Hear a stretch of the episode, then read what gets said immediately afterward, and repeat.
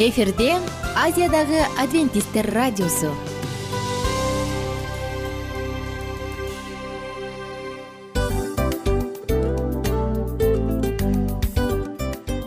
Достор салют.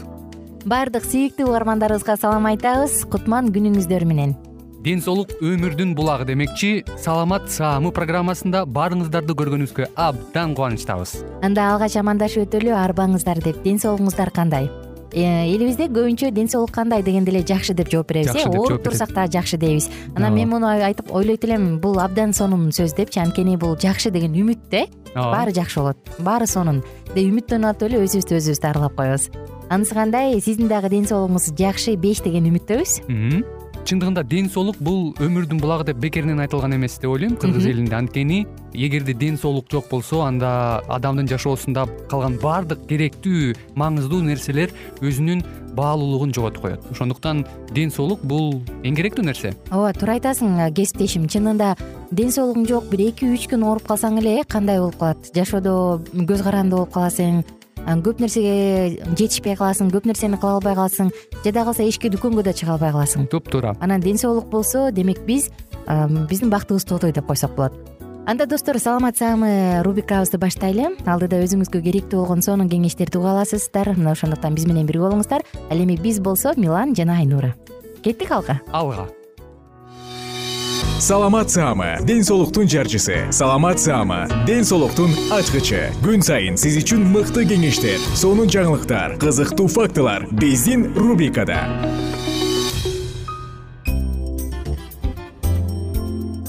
Салют достор кандайсыздар? Маанайыңыздар сонунбу ден соолугуңуздар жакшыбы. Мен болсо сиздер менен амандашып бүгүнкү сонун саламат саама уктуруусун баштадык. Эмесе бүгүнкү темабыз буттар эмне үчүн шишийт байкасаңыз керек э?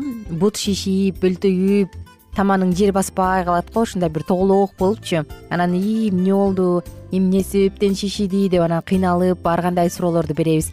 Негизи эле буттун шишиши эмне себептен бут шишип калды беле бутуңуз бут кийимге батпай шишип баскан сайын ыңгайсыздык жараткан учурлар болобу? Сиз буга кээде көңүл бурасыз кээде бурбайсыз туурабы бут шишүүнүн себептерин биз алдыда кененирээк айтып бергенге аракет кылабыз. Ага чейин өзүңүздүн бутуңузду азыр карап коюңузчу. Ал шишпей элеби жакшыбы же эстеп көрүңүзчү кайсы учурларда бутуңуз шишип калды эле? Анда байкап көрүңүз. Эми достор биз буттун шишиген учурун карап көрөлү. Кайсы учурда шишийт? Мисалы бут көпкө баскандан узакка тике тургандан улам шишийт. Мисалы бир нече саат же бир күн бою. Ошондой эле ыңгайсыз бут кийим менен бассаңыз бийик така кийип жүрсөңүз дагы бул абалга тушугасыз. Жана көпкө бутту салаңдатып отуруп иштөөгө мажбур болсоңуз бутту узакка кайчылаштырып отурсаңыз дагы бут шишип баштайт. Негизи бутка кыймылсыз абал такыр жакпайт э муну айта кетели. Ошон үчүн эгер жумушуңузда отуруп иштөгөн болсо бир аз убакта туруп көнүгүү жасап же ары бери басып ар кандай көнүгүүлөрдү жасап коюу зарыл. Жана чиркей бүргө сыяктуу жандыктар чагып алганда дагы аллергия жаралса бут шишийт муундарда мурда жаракат болсо жана бутка сыз өтсө дагы шишик пайда болот. Анан жай учурунда суу көп ичилгендиктен суу организмде көбүрөөк калып буттун шишүүсүнө шарт түзөт. Суюктук ашыкча ичилгенде кан тамырлардын иштөөсү бузулуп анан бут шишийт эми бут шишигенде эмне кылыш керек анда? Келиңиздер карап көрөлү. Үйгө келгенде бут кийимди чечип бутту муздак суу толтурулган идишке салып дагарабы ваннабы чакабы анан кийин салып коюңуз. Муздак суу дагы бир жолу айтайын. Же кранда агып жаткан сууга бутуңузду беш мүнөт тосуп туруңуз. Душка кирип алып туруп. Бутуңуз сергип шишик батыраак тарайт экинчи ыкма муздак суу куюлган дагарага бир чай кашык аш содасын же ромашканын кайнатмасын кошуп койсоңуз дагы буттагы чарчоону шишикти тез таркатып коет. Үчүнчүсү муздак сууга салганда дагы кетпесе анда кадимки эле картөшкөнү сүргүчтөн өткөрүп бутка жабыштырып үстүнө полиэтилен пакетин жаап байпак кийип алыңыз. Муну бир саат кармаңыз. Жана бут шишисе бутту өйдө көтөрүп чалкалап жатуу керек. Бул үчүн буттун алдына бир нерсе коюп коюңуз. Көпкө отуруп иштөөгө туура келсе бир жарым саат сайын ордуңуздан туруп басып дем алып келип кайра олтурганыңыз жакшы. Мына ушундай достор. Эгерде адамдын буту шишисе өзгөчө адам билет э эмне себептен шишип калганын күнүгө шишчү эмес эле ии бүгүн базарда кечке жүрбөдүм беле ошого күч келиптир дейбиз. Же ии аябай үшүдүм эле дейбиз. Же жайында өзгөчө жазында чиркей чагып кеткен да ии деп дөмпөйүп калган мына чагып кеткен турбайбы деп шилекейлеп коебуз э. Эми бут көп шишесе бул өзгөчө жумалап бут узакка шишисе биринчиден жүрөктүн начар иштешинен кабар берет. Алгач буттун кетмени шишийт андан соң шишик жогорулап отурат. Бут шишип жатканда жүрөк лакылдап демигүү башталса анда сөзсүз түрдө кардиологко кайрылуу керек. Буттун кан тамырларында дагы клапандар бар. Ал клапандар канды өйдөгө өткөрүп кайра жабылып турат. Кайсы бир себептен улам маселен жаш өйдөлөгөндө клапандар жакшы иштебей калат. Анан натыйжада кандын жарымы өйдө жарымы ылдый агат ылдый көздөй аккан кандын курамындагы сары суу буттун төмөн жагына топтолуп анан бут шишийт эгерде кечкисин бут шишип эртең менен турганда тарап кетсе демек клапандарда маселе бар. Буттун кан тамырларынын алсызданышынан бузулушунан улам дагы шишийт варикоз же тромбофлебит пайда болушу мүмкүн. Бул айрыкча аялдарда кырк жаштан кийин дагы ошондой эле достор бөйрөк оорусу өтө күчөп кетсе дагы бут шишийт жүрөк ооруса бут шишип анан шишик өйдө жылат. Бөйрөктүкү бет көз шишип андан кийин гана шишик төмөн бутту карай жылат. А эгерде жүрөк ооруса анда бут шишийт кан сымал безинин кызматы начарлап калкан сымал безинин гормондорду бөлүп чыгуу начарласа дагы бут катуу шишийт анан шишиктин үстүн басып турганда чуңкур жаралып ошол жер кызарып жана кызаруу бир топко кетпесе демек калкан безде маселе бар. Жана боордун цирроз оорусунан дагы бут шишийт кээде курсак дагы шишип кетет. Кош бойлуу учурда буттун шишигени кадимки көрүнүш анткени организм алсызданып кан айлануу системин начарлайт. Эгерде кечке маал шишип эртең менен тарап кетсе тынчсыздануунун кереги жок. Катуу шишип жана оңой менен тарабаса анда дарыгерге көрүнүп себебин такташ керек. Жана достор эсиңизде болсун төрт беш күндөн ашык бут шишибегени тарабаса анда тез арада дарыгерге көрүнүңүз эгер кайрылсаңыз көптөгөн балакеттин оорунун алдын аласыз. Жана бут шишигенде алгач каяка кайрылам кимге барам кимге көрүнөм дешиңиз мүмкүн. Бизде дарыгер подологдор жок болуп таппай калсаңыз терапевт адисине кайрылыңыз. Ал сизге керектүү анализдерди тапшыртып маселе кайсы органда экенин аныктап керектүү адистерге кардиологко же урологко же эндокринологко жөнөтөт. Эгерде ички органдардын баары таза чыкса анда кан тамыр хирургуна барууңуз зарыл. Мына достор сиздер менен бүгүн дагы бутка байланыштуу дагы бир сонун маалыматты айттык. Биздин саламат саамы рубрикасындагы саламаттуу дене деп аталган китебибиз циклибиз соңуна чыгайын деп олтурат мына баштан чачтан баштадык элек эми бутубузга түштүк буюрса кийинки уктуруда дагы маанилүү сонун кеңештерди айтабыз дагы. Сиздер менен бирге бул циклды жыйынтыктап анан кийинки дагы кызыктуу циклга өтөбүз. Ошондуктан достор кайсы гана учурда кайсы гана жакка барбаңыз сөзсүз түрдө бутуңузга көңүл буруңуз. Бутуңуздун абалын байкаңыз бут кандай болуп атат бутта эмне жаңылыктар болуп атат аларга көңүл буруңуз. Анан мурунку уктуруубузду эске сала кетсем мурунку уктурууда тамандарга дагы кам көрүү маанилүү деп айтканбыз. Ошондуктан күнүгө кечинде жумуштан келгенден кийин бутуңузду таза жууп кайсы бир кошумчаларды кошуп мурунку уктурууда айткан муну дагы анан бутуңузду эс алдырып кургак аарчып массаж жасап өзүңүзгө кам көрүңүз. Бут адамдын перифериялык жүрөгү деп коебуз сырткы жүрөгү деп коебуз. Ошондуктан бутуңуздун абалынан бутуңуздан бутуңуздагы кан айлануудан жүрөгүңүздүн саламаттыгы дагы көз каранды. Оорубаңыздар эч качан. Жана дайыма бар болуңуз бай болуңуздар. Кайрадан амандашканча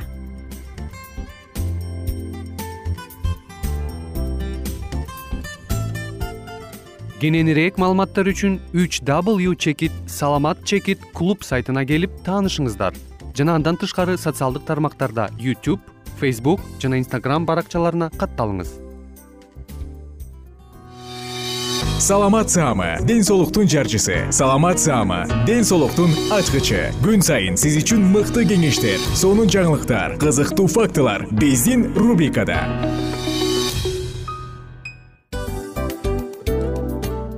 салам достор.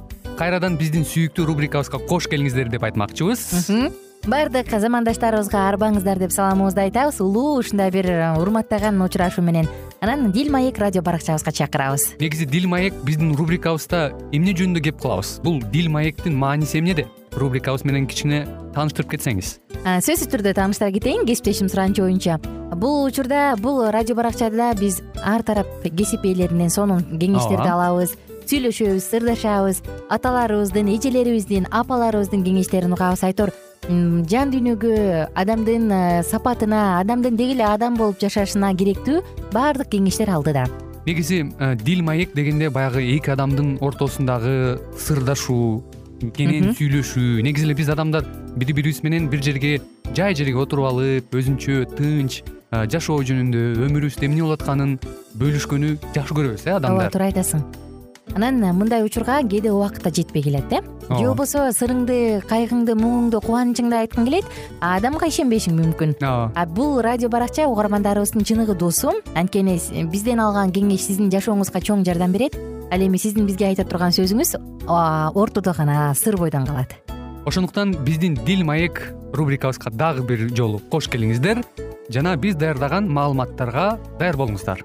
Айнура жана милан сиздер менен бирге алдыга кеттик ар түрдүү ардактуу кесип ээлеринен. Алтын сөздөр жүрөк ачышкан сыр чачышкан сонун маек. Дил маек рубрикасында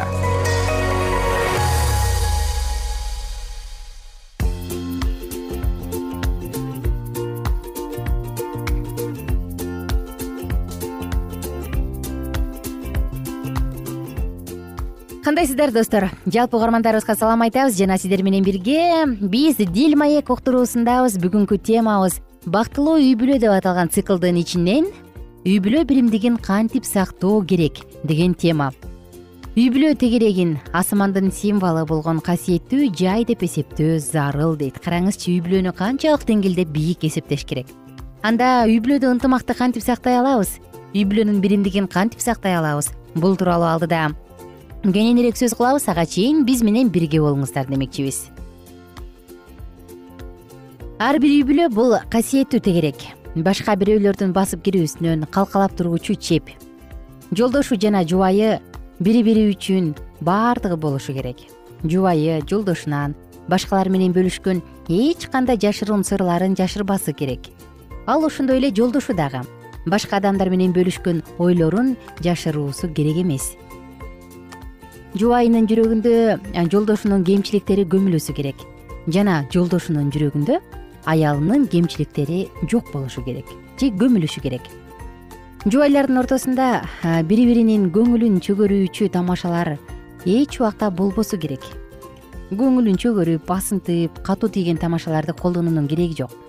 Жубайларга эч убакта жакындарына же тааныштарына тамашалашуу менен даттануусу кажет эмес бир учурда ушул эле эч нерсени көңүлгө албай айта салгандык экөөнө тең жагымсыздыкты жана мамилесинин үзүлүүсүн алып келет. Үй бүлөнү касиеттүү жай биз өзүбүздү чагылдырып туруучу асман символунун күзгүсү деп эсептөө өтө зарыл.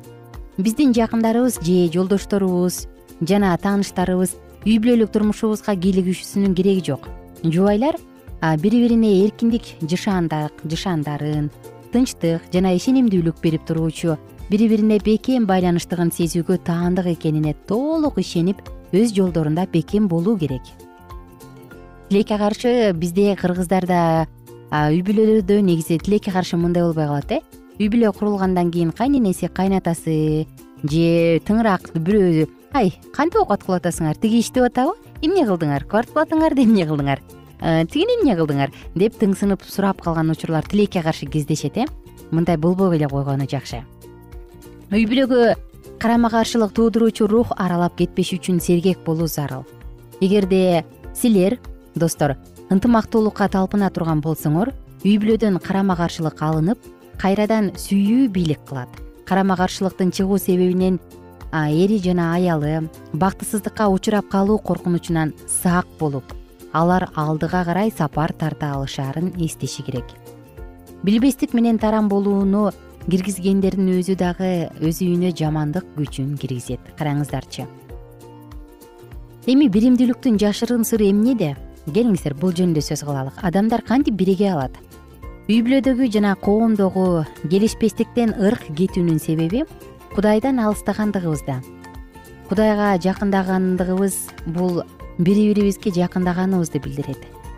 Биздин биримдүүлүгүбүздүн жашыруун сыры алар канчалык жогору болбосун түйшүктөр менен күрөшүүнү билүү. Же биздин амал көйдүгүбүз же ар кандай кыйынчылыктарды жеңе билүүгө багытталган адам чегинен тышкары аракеттенүүбүздөн эмес. Бирок ыйса менен бирдикте болуубуздан. Караңызчы баягы үч бурчтукту айтып коюшат эмеспи э? Чокусунда кудай турат эки бурчу эки жубайы бирөө жубайы бирөө келинчеги деп. Экөө бири бирине канчалык жакындашкысы келсе анда ошончолук кудайга карай умтулушу керек дейт. Анан экөөнүн баардык ою баардык максаты ошол кудайда биригет дейт. Төмөндө чет жагынан борборуна чейин көп сандаган нурлар кошулуп турган бир тегерекчени элестетсеңиз. Алар борборуна канчалык жакындаган сайын бири бирине ошончолук жакындайт. Кудайдагы өмүрдүн иштери дагы ушундай эле жайгаштырылган биз ыйсага канчалык жакындап келе турган болсок ошончолук биз бири бирибизге жакын болобуз. Үй бүлө тиричилиги жакшы жөндөлгөн ар кандай темир тезектерден турган механизм сыяктуу өтө сыйдаң жүрүүсү керек. Ар бир үй бүлө мүчөлөрү жайлоолук иреттештирүү жана үй бүлөдөгү уюштуруучулук түзүү үчүн өзүнө милдеттенме берилгендигин өз мойнуна алуусу зарыл. Эч ким башка бирөөгө жолтоолук кылбашы керек баардыгы жакшы иштерди жасоодо чогуусу менен катышып бири бирин кубаттап турсун. Ар дайым жумшак өзүн өзү кармоочу жана чыдамдуу сүйлөгөндө катуу эмес бирок жай үн менен жаңылыштыктан качуу керек. Ар бир үй бүлө мүчөлөрү үй бүлөдө баары жапырт кыймылдоо керектигин түшүнүүлөрү зарыл. Баардыгы алты жаштагы баладан тартып билүүлөрү керек. Үй бүлө ишине ар кимиси өзүнүн жез тыйынынын салымын кошуулары талап кылынат. Болбосо апасы эле кыймылдап жүрө берсе атасы да балдары да жатса ар ким өз жумушу менен апасы өзүн үй кызматчыдай сезип калат туурабы э? Кездешсе керек мындай дагы. Ошондуктан кайсы гана учур болбосун качан гана болбосун ар бир үй бүлө мүчөсү өзүнүн үй бүлөсү үчүн бир жез тыйын салымын кошушу керек. Жана үй бүлө демекчи жаш жубайлар өзгөчө баш кочкондон кийин ай сен аны башынан карма аялыңды көптүрүп жибербе мойнуңа отургузуп алба башыңа чыгарып алба аны мындай кыл мындай кыл дейт дагы баласын өзүнүн эле курсагынан чыккан баласын терс нерсеге үйрөтөт. Анан ал болсо дейт дагы келинчегин сүйүп жаңы үй бүлөгө көнүп кетишине салым кошпостон тескерисинче аны зөөкүр мамиле кылып башкача бир катуу орой мамиле кыла баштайт. Анан эмей мен башка баланы сүйбөдүм беле. Кой мен жаңылыптырмын дейт дагы түйүнчөгүн түйүп алып кетип калышы мүмкүн э? Ошондуктан достор биздин үй бүлөнүн бир гана кеңешчиси болсун ал жараткан кудай болсун жараткан кудай бизге жаман болгон эч качан кеңеш бербейт. Бир гана жаратуучу бизге жеткилең кеңешти туура кеңешти бере алат. Ошондуктан кеңешчилерибиз бар болсо дагы жакшы кеңешчилер болсун үй бүлөбүзгө киришкен биздин үй бүлөбүздүн тегерегин бузуп мындай жарым эле шакекче кылууга умтулуп өзү үчүн кенен кесир кирип чыгуучу жай кургусу келгендерге жок деп айталы дагы ар бирибиз өзүбүздүн бактыбыз үчүн күрөшөлү ар бир үй бүлө мүчөлөрү жайлуулук ирээттештирүү жана үй бүлөдөгү уюштуруучулук түзүш үчүн өзүнө милдеттенме берилгендигин өз мойнуна алысы керек. Сенин артыңдан апаң дайыма жыйнап жүрүүгө милдеттүү эмес. Сенин артыңдан дайыма атаң кайтарууга милдеттүү эмес жок. Ал нерсе үчүн сен милдеттүүсүң.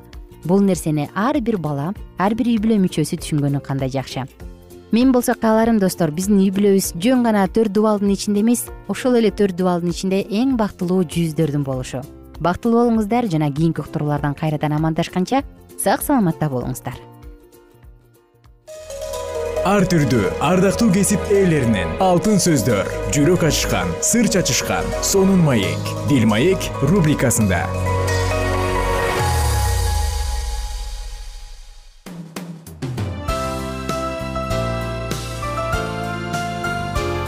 эфирде азиядагы адвентисттер радиосу.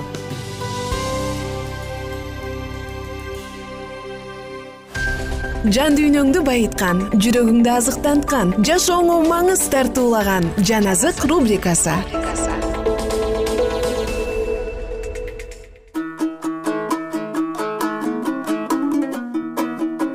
Кутмандуу күнүңүздөр менен достор саламатсыздарбы? Биздин ардактуу жана сүйүктүү угармандарыбыз жаназак рубрикасындабыз жана чын эле атына заты жарашып келиңиздер.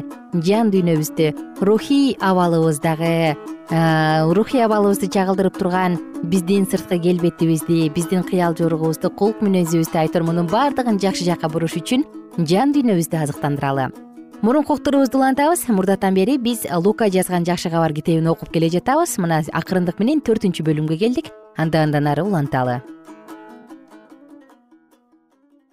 лука жазган жакшы кабар төртүнчү бөлүм он алтынчы аяттан тарта.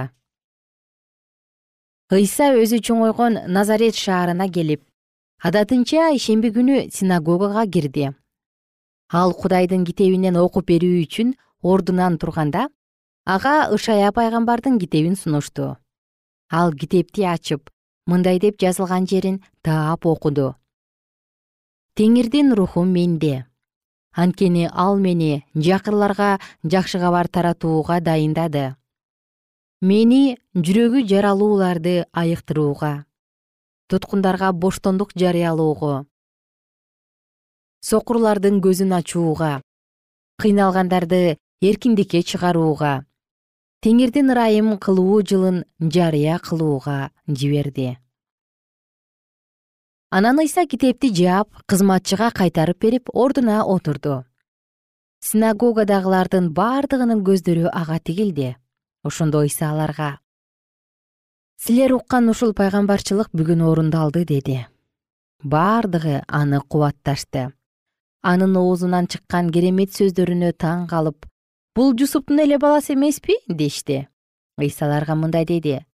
Силер мага дарыгер өзүңдү айыктыр деген макалды айттарыңар анык капернаумда кылганыңарды уктук. Ошол кылганыңарды бул жерде өз мекениңде да кылчы дээрсиңер анан ыйса дагы мындай деди. Силерге чындыкты айтып коеюн эч бир пайгамбар өз жеринде кабыл алынбайт. Силерге чындыкты айтып жатамын. Ильяс пайгамбардын тушунда үч жыл алты ай бою жамгыр жаабай бардык жерде катуу ачарчылык болгон кезде ысрайылда жесир аялдар көп эле. Ошондо ильяс алардын эч кимисине жиберилбестен сидон жеринин сарепат шаарындагы бир жесирге гана жиберилген. Ошондой эле элиша пайгамбардын тушунда ысрайылда пес оорулуулар көп болгон. Бирок сириялык наамандан башка эч ким айыккан эмес муну укканда синагогадагылардын баары ачууланышты. Алар ордунан тура калышып ыйсаны шаардан кууп чыгышты да ылдый түртүп жибермекчи болуп өздөрүнүн шаары жайгашкан тоонун чокусуна алып барышты. Бирок ыйса аларды аралап өтүп кетип калды. Ыйса галилеядагы капернаум шаарына келип ишемби күндөрү элди окутуп жатты. Эл анын окутуусуна таң калды анткени ал бийлиги бар адамдай сүйлөчү. Синагогада жин оорулуу бир адам бар эле. Ал эй назареттик ыйса бизде эмнең бар? Сен бизди жок кылуу үчүн келдиң. Сенин ким экениңди билем. Сен кудайдын ыйыгысың деп кыйкырды. Ыйса ага үнүңдү бас бул адамдын ичинен чыгып кет деп тыюу салды. Ошондо жин ал адамды элдин алдына жыгып эч ага эч зыян келтирбестен анын ичинен чыгып кетти. Ошондо бардыгынын үрөйлөрү учуп өз ара бул эмне дегени ал жиндерге бийлик менен күч менен буйрук берип жатат. Алар чыгып кетип жатышат дешти. Ошентип ыйса жөнүндө бардык аймактарга кабар тарады. Ыйса синагогадан чыккандан кийин шымондун үйүнө келди. Шымондун кайынэнеси ысытма оорусу менен ооруп жаткан эле ыйсадан ага жардам берүүсүн өтүнүштү. Ыйса анын жанына келип аны ысытма оорусунан айыктырды. Аял дароо ордунан туруп аларга кызмат кыла баштады. Күн батканда ага ар кандай оорулууларды алып келе башташты. Ал ар биринин үстүнө колдорун коюп аларды айыктырып жатты. Көптөрдүн ичинен жиндер сен кудайдын уулу машаяксың деп кыйкырып чыгып жатышты бирок ыйса аларга өзүнүн машаяк экенин айтууга тыюу салды. Анткени жиндер анын машаяк экенин билишчү. Таң атканда ыйса үйдөн чыгып ээн жерге барды. Эл аны издеп таап кетирбей алып калгысы келди. Бирок ыйса аларга мен кудайдын падышачылыгы жөнүндөгү жакшы кабарды башка шаарларга да жарыялашым керек. Анткени мен ошол үчүн жиберилгем деди. Ошентип ыйса галилеядагы синагогаларда насаат айтып жатты. Лука жазган жакшы кабар бешинчи бөлүм. Ыйса генисарет көлүнүн жээгинде турган эле. Кудайдын сөзүн угуш үчүн анын жанына эл үйүлүп калды. Ал көлдө турган эки кайыкты көрдү. Кайыктан түшкөн балыкчылар болсо торлорун жууп жатышкан. Эки кайыктын бири шымондук эле ыйса анын кайыгына түшүп андан жээктен бир аз нарыраак сүзүп баруусун өтүндү анан ал кайыкка отуруп алып элди окуто баштады. Ал сөзүн бүткөндөн кийин шымонго көлдүн терең жерине сүзүп барып торлоруңарды салгыла деди. Шымон ага устат биз түнү бою эмгектенип эч нерсе кармай алган жокпуз. Бирок сен айтып жаткан соң торду салайын деди. Алар торду салып абдан көп балык кармашты балыктын көптүгүнөн тор айрыла баштады ошондо алар кол булгап экинчи кайыктагы жолдошторун жардамга чакырышты.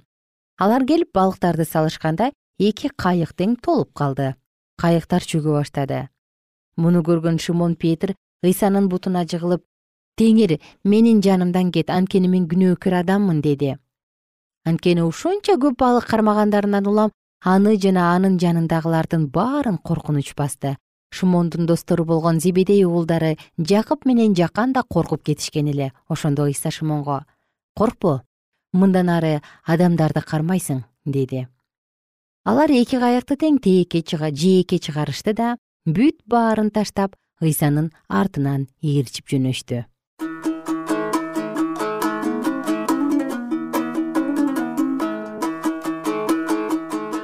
кымбаттуу достор ардактуу биздин угармандарыбыз мынакей бүгүн сиздер менен дагы лука жазган жакшы кабардан бир нече сонун аяттарды окуп өттүк. Кийинки уктуруудан кайрадан амандашканча күнүңүздөр көңүлдүү улансын.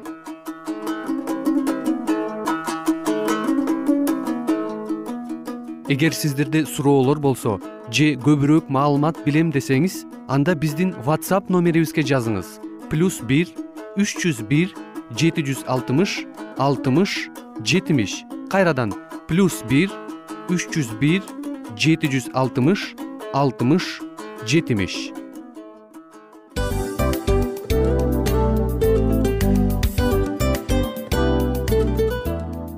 ушинтип убакыт дагы тез өтүп кетет экен биз дагы радио уктуруубуздун аягына келип жеттик келип кубандырдыңар эми кетип кубандыргыла деп тамашалап калышат эмеспи анысы кандай радио баракчабызды программабызды азыр эле баштап аткандай болдук элек мына соңуна келдик э негизи убакыт билинбей өтүп кетет экен мен дагы э, убакыт дегенде бүгүн бир адам менен сүйлөшүп калдым. Анан убакыт бул мүмкүнчүлүк деп айтып өзүмө өзүм айтып алып анан мага өзүмө эле кайра ачылыш болду да чын эле. Э карап отурсаң ошол эле жыйырма төрт саат ошол эле жарым саат кайталанып атат.